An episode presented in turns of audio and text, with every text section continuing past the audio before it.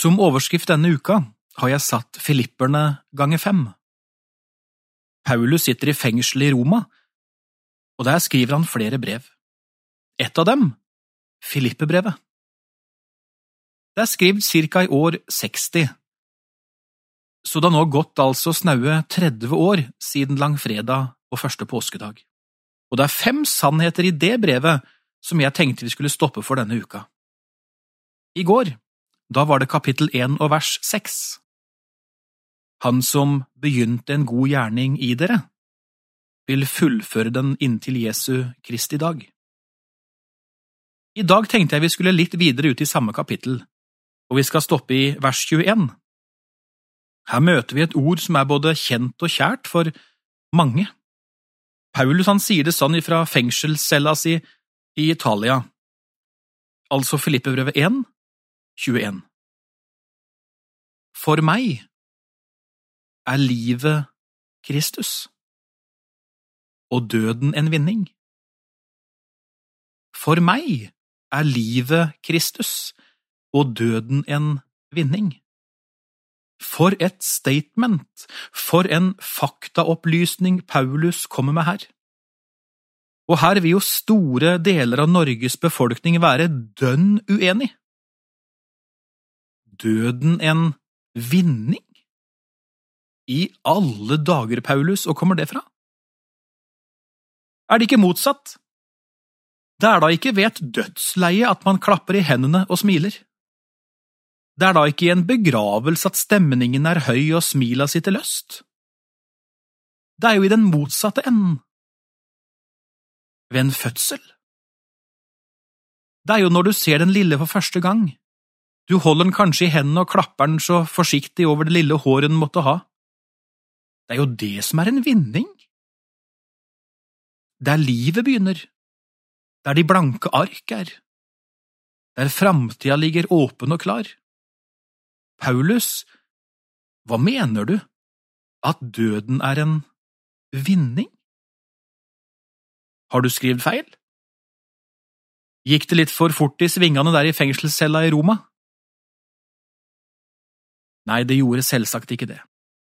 Han hadde full kontroll ved skrivebordet sitt, Paulus, og det hele var inspirert og leda av Gud i himmelen. Saken er at her skriver Paulus om dem som er frelst. De som har fått ta imot Jesus som sin redning, og har fått sine synder tilgitt. For dem er det virkelig sant. Når livet er Kristus, da er døden en vinning. Det gjelder hver eneste en som har tatt sin tilflukt til Jesus, enten det er i 2022 eller er i tidligere tider.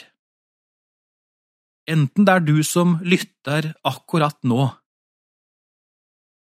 eller det er mennesker som lever helt andre steder i verden, Nairobi, Australia eller på Hawaii i dag, til og med på Champs-Élysées. Hver eneste en som har funnet sin trøst i Guds offer, i Guds løsning, himmelens redning, altså. For han og henne gjelder virkelig dette ordet, for meg er livet Kristus, og døden en vinning. Og hvorfor er det sånn? Jo, det er jo egentlig lett å svare på. Hvorfor er dette en vinning med døden da? Jo, fordi det er hjemreisedagen. Hjemreisedagen. Du flytter fra denne skrøpelige, skitne og syndige verden og inn i Guds renhet. Inn i himmelen. Inn der som alt er så utrolig flott. Ingenting kan jo hamle opp med det. Og derfor synger vi også i sangen Det fins intet her i verden som det å være frelst. Det er det beste liv på jord, og det kommer til å bli overveldende der hjemme. Jeg hørte på NRK radio for en stund siden. De diskuterte oljeutvinninga i Norge. Siden 1980 har jo både Hydro og Statoil bora etter olje i Barentshavet. Og boreriggen Erik Raude er brukt av de begge to. Men ofte så møtte de tomme brønner der ute. De fant ikke noe. Hva gjør dere da? spurte programlederen.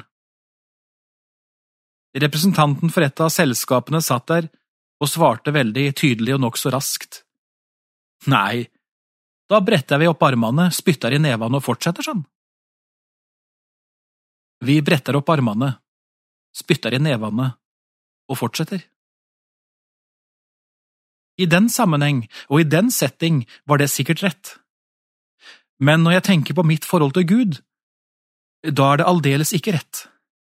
Jeg er redd det finnes mange sånne typer iblant oss også i dag. I det vanlige, verslige liv kan dette være en riktig så god kvalitet. Brette opp armene, spytte i nevene og fortsette. Men i en åndelig sammenheng, når det gjelder mitt gudsforhold, da vil det jo være katastrofe. Det er ikke å vise styrke som er Bibelens vei til himmelen. Det er ikke egeninnsats den viser som en god og farbar vei. Nei, det er tvert imot. Det er når du og jeg tømmes for alt vårt eget, og Han aleine får stige fram som den redning og den frelser og den vidunderlige redningsmann som Han aleine er og vil være for oss. Når Jesus er livet for deg, jo, det er sant, Paulus, da er faktisk døden en vinning for det er hjemreisedagen. Du skal hjem til Han som er bare god, og Han som vil deg bare godt. For meg er livet Kristus, og døden en vinning. Må Gud velsigne dagen din. Per Tveten var andaktsholder i Over en åpen bibel i dag.